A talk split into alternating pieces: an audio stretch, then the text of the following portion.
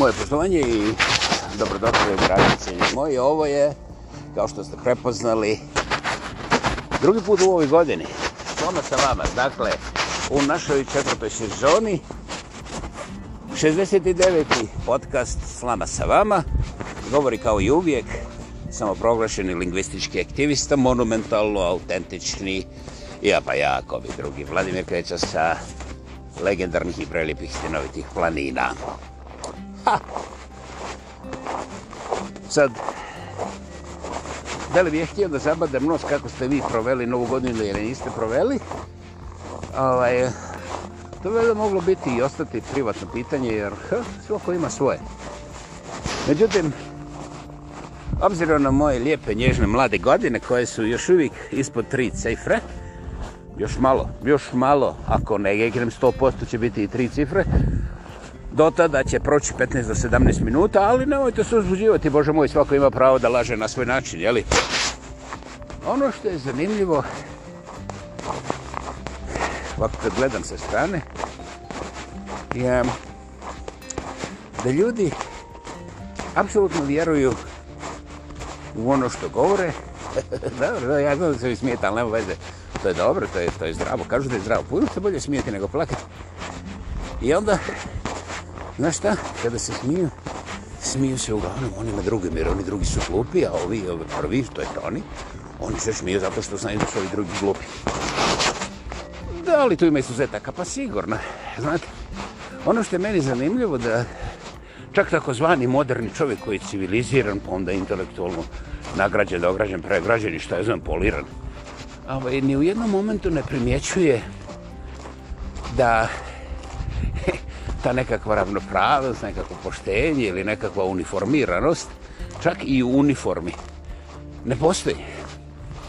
Dakle, nije to stvar da ne postoji, apsolutno, nego ako hoćeš da kažeš ovi su svi plavci, eh, može, znaš, to je konvencija, jer većina stvarno jeste. Međutim, ako pogledaš malo bliže i ti plavci, ja sad ne bi isticao koji, eh, izaberite po svojoj volji, zavisi jeli, malo i od geografije i ispod koje zastave se vrte, oni imaju uglavnom čak i same te svoje plave odore proizvodene od uu, uglavnom povlaštenih tih nekih kompanija gdje se onda pojavljuju materijali, materijali i onih tamo neprijateljskih kompanija.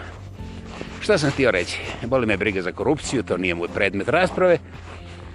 Htio sam samo reći da kako god okreniš i mrziš recimo ove plave, da oni uvijek imaju mm, dosta vidljivi procenat onoga što je crno recimo, a istovremeno ti crni, koliko god htjeli biti crni, pa recimo čak i najcrniji što je strašno seksi, pff, seksi do pornografije, ovaj,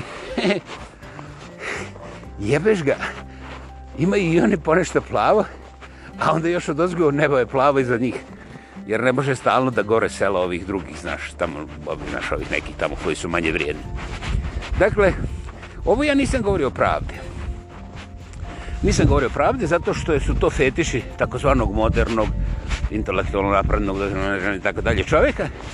Jer, znate, u zdravom razumu nema ništa moderno. Zdrav razum je, je nekakva glupa, nije masa, nije energije, nije snaga, ni, masu toga nije, a onda jebeš ga na kraju je sve to. I na to, da, ponaša se po svome načinu. Dakle, ne možeš uzeti nekakav pojačivač za zdrav razum, niti možeš uzeti fotelju za zdrav razum, niti možeš uzeti uh, transportna sredstva za zdrav razum, niti možeš zalijevati ili zapišavati taj zdrav razum pa da se ovako malo češće i više razvija u određenim zonom. Jednostavno ne može, ne ide, ne radi. Dakle, ako pogledate, čak i žmireći, morat ćete razmisliti, da, da, ja sam, rekao sam, ako pogledate, morat ćete razmisliti, da i na kraju i na početku, a negdje i u toj sredini, nema ni kraja, nema ni početka, nema ni sredine, ali uvijek ima, recimo, između ostalog i konstanta te snage prisutnosti ili neprisutnosti, zapravo prisutnosti, ali mi nećemo da vidimo, zdravog razuma. I sada, šta taj zdrav razum određuje? Pod broj jedan ne znam, ne želim se ovaj, zamarati. A zašto onda spominjem, znaš da ne bi bio u potpunom besmislu, naravno da je to vještačka paralela, pa taj zdrav razum svaki pojedinac oko vas pogledajte, ne trebate gledati kao bolje pod povećalom, no, samo pogledajte na kovo, pa ćete vidjeti. Taj zdravi razum ljudi se obilaze najnevjerovatnijim mehanizmima koji su inače i vrlo skupi. Ovaj. Svaki dan, na svakom koraku. Recimo, zdrav razum bi rekao jebeš ga, ako možeš ići autobusom na posao, zašto se voziš svojim novim kadilakom? E, ti kažeš, tvoj zdrav razumom prihvata kadilak kao normu. A dobro, onda ja kažem da je tvoj zdrav razum negdje u razini takozvane tke e, bulje, što bi se reklo na francuskom guzici. Jer ovaj... Aha, sve kažeš ti moraš imati kadilak jer onda te prate ovi tvoji rpali, ovi tjelohranitelj, jel? Mhm. Pa vidiš, onda je tvoj zdrav razum. Već trebao biti u zatvoru, ali neće zbog toga što je ovdje ovaj sve demokracije oko nas. Ali ti si ili si lopurda, ili si funjera, ili si funjera od lopurde. Zbog toga, ne da zanima me koji predsjednici, koji kraljevi, zaboravite to. Ali ako vi morate oko sebe imati tjelohranitelju, a to je taj oko vas narod što vas voli i koji, razumiješ, vas slavi što ste vi na čelu, a oni od ozdolirevom iz guze. Zdrav razum onda kaže da je to prisila, ali ne vrišti kao ja. ovaj, I to bi, ovaj, ako biste htjeli, ako biste smjeli usuditi, morali vidjeti bez mene. I to je jedna od tih zdravorazumskih asimptota koje su uvijek tu. I znaš, ne moraš ih dokazivati. Ovaj, izvolite. Dakle, dragi moji, ja nisam želio da uđemo ni duboko, ni ovoga žestoko. Međutim, dok još uvijek glave bumbe od previše alkohola i previše hrane, ja mislim da, da pro, zapravo, zaboravite da li ja mislim, to je već bezobrazno. Ali eto, želim da zvrkusnem neku riječ koja nije baš tako česta svaki dan, pa onda da isprovociram neku situaciju koja ćete se vi češnuti za uva, da li lijevog, desnog, srednjeg ili recimo možda ovog zadnjeg, ko bi znao. Znači, češnite se malkice, stanete kroz toplu kaficu i onda malo razmislite o tom što ste čuli. Neće vam biti žao. Ali garancije nema. Zašto? Pa jedini koji može dati garanciju 100% nije onaj koji ima najviše oružja ili najviše para. Jer to su prolazne gluposti koje čovjek stavio kao fetiše. Pa... Evo ga, sad ćemo, samo malo sačekajte.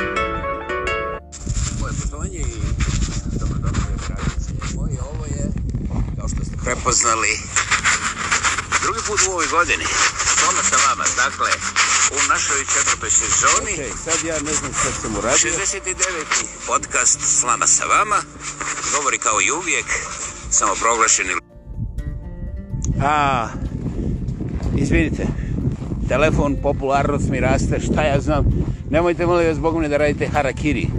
To je dosadno. Uzmite kiri hari, na primjer pokušajte to. Kako to ide? A pa lijepo.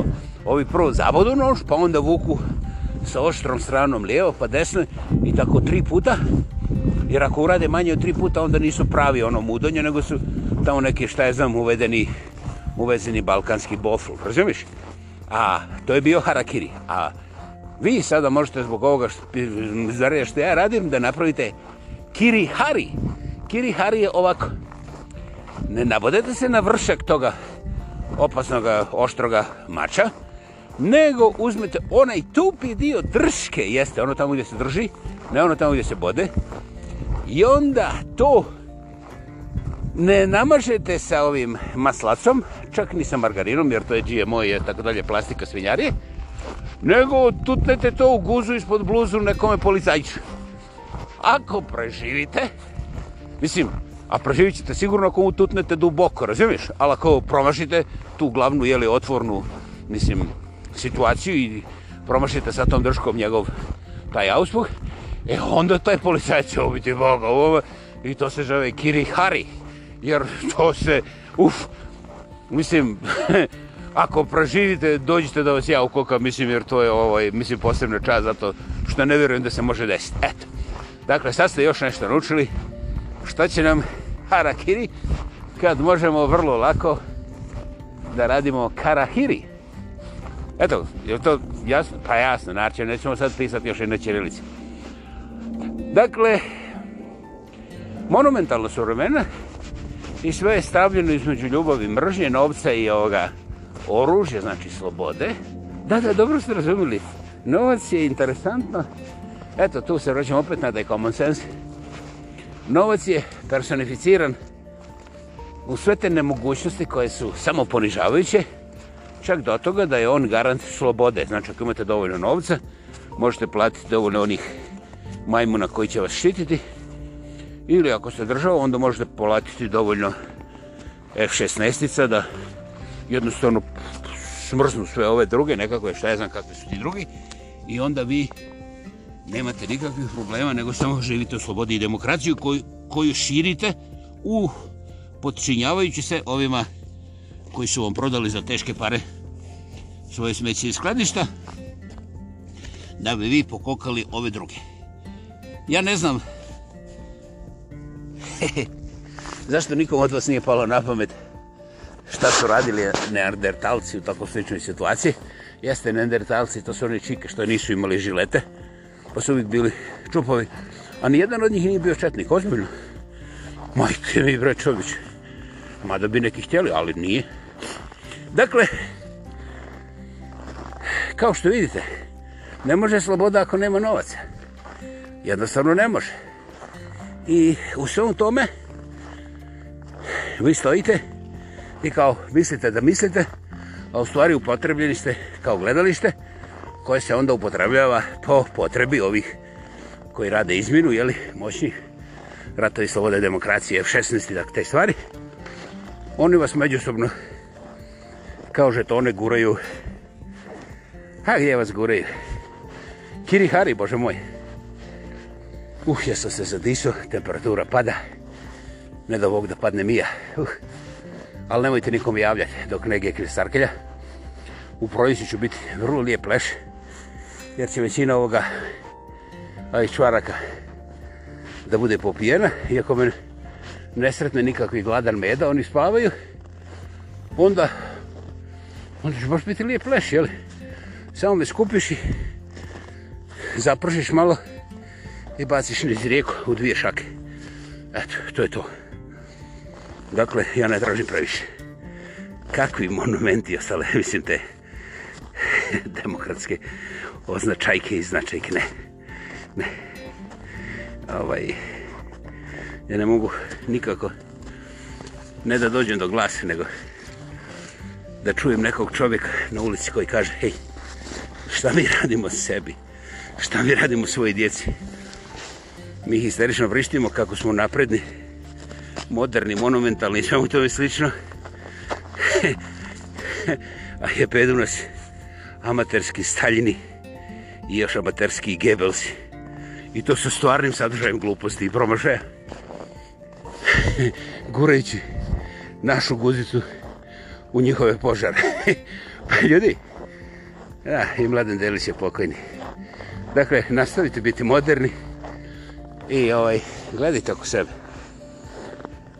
Ja vam neću ništa obećati za ovu godinu, jer evo, mogli ste zaključiti, tamo gdje nema zdravog razuma, ja nemam ni mjesta. Međutim, ovaj podcast je meni nekako ne samo na srcu, nego je, evo i na telefonu, i onda na još nekoliko mjesta, ali to vam neću reći na glas. E, ovaj, ja ću nastaviti, ja ću nastaviti dok, evo nisam geknuo, bio sam ovaj sus u šumi gdje sam se popeo uz neki vrlo nezgodni zid, potpuno zaleđen. 2-3 metra. I mogo sam da geknem, ali je veš ga ne mogu objasniti zašto nisam. To je bilo dobro. Kad me nađu u povjeće moj 60. podcast u četvrtoj sezoni bi bio objaven jer ja znam ko bi to radio za mene i to je odlično. To mi je drago.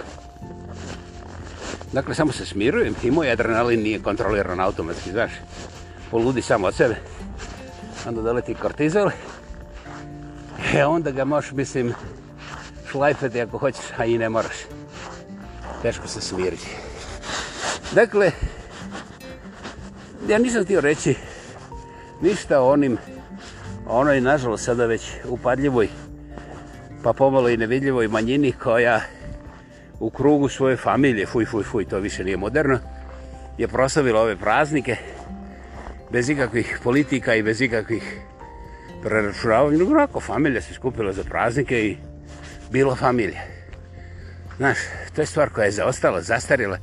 To nije za ove moderne demokrate i slobodilace i oslobodioce i LGBT-ovce i znaš, sve taj sad, sad je napravi svijet.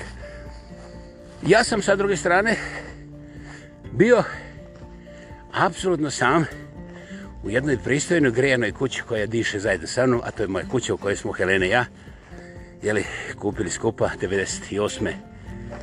I eto, ja još sam uvijek tamo. I jebeš ga. Nikome nije dirao. I to je meni došlo kao dva vagona i četiri sepeta Nobelovih nagrada. Ozbiljno. U stvari još puno bolje. Dakle, to me oduševljava. Nisam bio ekstatički oduševljen, niti sam imao famozno i fantastično išta. I to je wow, još dva sepeta Nobelovih nagrada. Zapravo sam kao pravi pravca te Starkelja, jedino nisam kenjavio, znaš ono, ne boli me ništa čovječ.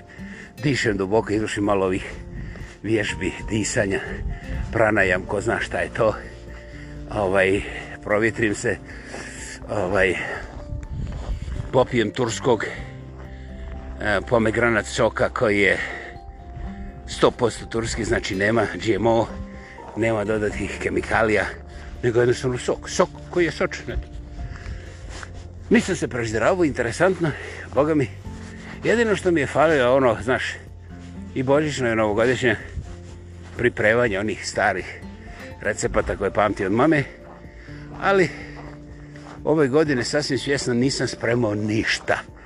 Sve sam imao u kesici, recimo imao sam kesu organičkih jabuka, imao sam kesu običnog seljačkog kiselog kupusa i ovaj nisam imao seljačkih čvaraka jer jebeš ga ovdje ni seljaka ni čvaraka eto toliko smo napredovali čist, čisti modernizam mislim ono uh, susjed bi mi dao dva sepeta kompitera ali recimo želicu čvarak jebeš ga mogu bi ga ubiti nema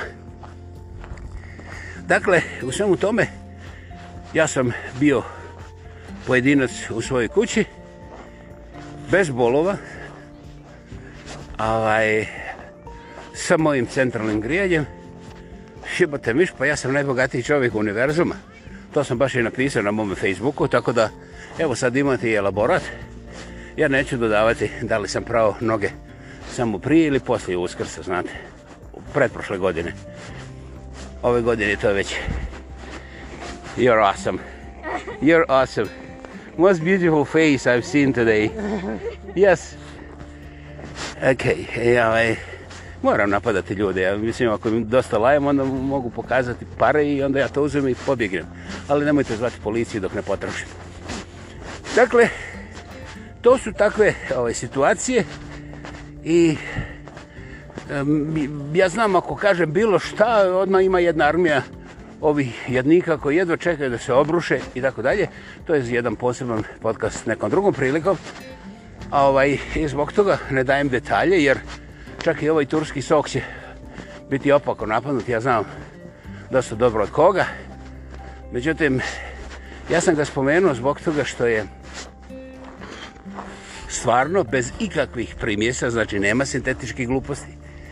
Da li ga promoviram? Apsolutno, to je kod, po, ono, zdravorazumska posljedica, ne ono što sam ja pripremao. Ali da me oni zamole, ne bi me trebali plati, ja bi vrlo rado i propagirao. Ali zapravo ovdje pominjem zbog toga što ljudima koji su kao ja, starkelje i koji eto, ne žele da kenjkaju kako ih boli ovo, kako ih boli ono, kada piju taj sok regularno, mjesec dana, znači ne 15 litara dnevno, nego barem 15 dana 2-3 litre u tih 15 dana.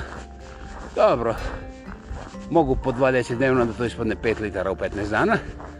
To nije ni skupo, ali 15 dana je onaj period u kome počnu da se osjećaju nekakve razlike, a te razlike nisu kronični bolovi i opadanje energije, nego nešto. Strašno taj novit. U nekim krajima se zove podnošljivo zdravstveno stanje wow, nemojte to reći svakome čovječe, reći vam da ste budala. ja znam, evo baš nekom čovcu, pokažem, dam, znaš, i on dođe kod mene, pa znaš li ti šta si ti već dao? Ja sad mislim, pocrkala mu familija Garant. A nije, čovjek se rastavio, nema ni familije. I sad dugačka priča o ono, kaže, jel si ti primijetio da to košta 12 dolara po litri? Ja kažem, pa ja tebi nisam to prodao, ja sam ti dao. Kaže, pa znam, sad ja moram da kupim. Kažem, ko ti je rekao da moraš? Kaže, pa ja sam popio samo jednu čašu i ostavio sam preko noći, jedno do podne i drugo, i onda tamo kasno popodne, znači 24 sata, ostavio kuhinji, bio otvoren. Kaže, prokiselio se, kaže, posto sirće. Kaže, fermentira. Jebem ti, zamisli, organički sok, bez sintetičkih dodataka na sobnoj temperaturi nakon 24 sata pokazuje biokemijske promjene koje rezultiraju malo ovako sirčevito. Kaže, kako si znao? Pa ja kažem, znaš, ja sam rođen, lep, mlad, plav, nepogrešiv, sveznalica, a skroman, upome granat, granatski, turski naravno, organički. I on kaže, pa ti si budala. I ode čovjek uvrijeđen. I sad kome da se ja žalim što, što sam ja dao poklon nekome ko je nepažljiv i onda me zbog toga mene zove budalom. Mislim, možda je on u pravu, ja ne znam, ja ću morati sad ići malo posjetiti ove spijatre i ove stručnjake za možđane, pa ću pitati, kao i uvijek, jer ja nikad ne kažem čovjeku i ti si budala, ne, ne, dolazi obzir. Jer što ako sam ja stvarno budala i onda kažem njemu da je budala, onda budala puta budala, on ispadne pametan, ne dolazi obzir. To su moji razlozi, inače, inače zaboravite, nisam ja racionalan, ja sam samo, mislim, iracionalan. Ja, to je, to je suprotno od ovoga data, govoreno. Dakle, 60. put u našoj četvrtoj sezoni, sada i u novoj godini. Eto, to su nekakve štrceljke iz podcasta Slama sa vama. Ovdje ću završiti jer smatram da se još uvijek niste svi dobro otrijezili. I naravno, ne brinite, nema nade, većina se neće otrijezniti, barem dok sam ja živ. Ali to nije problem svakako. Dakle, još jedno vam svima želim sretnu i uspješnu ovu tek novo pridošlu račerečenu 2024.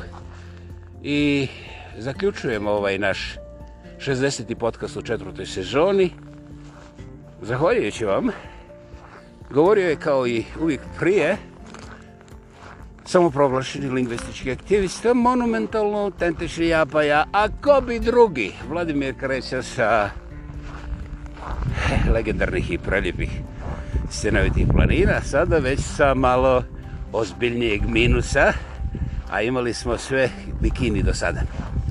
Hvala vam, živi zdravi bili, gdje god pošli, neka vas prati sreća, para puna vreća i da nikad ne stignete do smeća. Eto, hvala.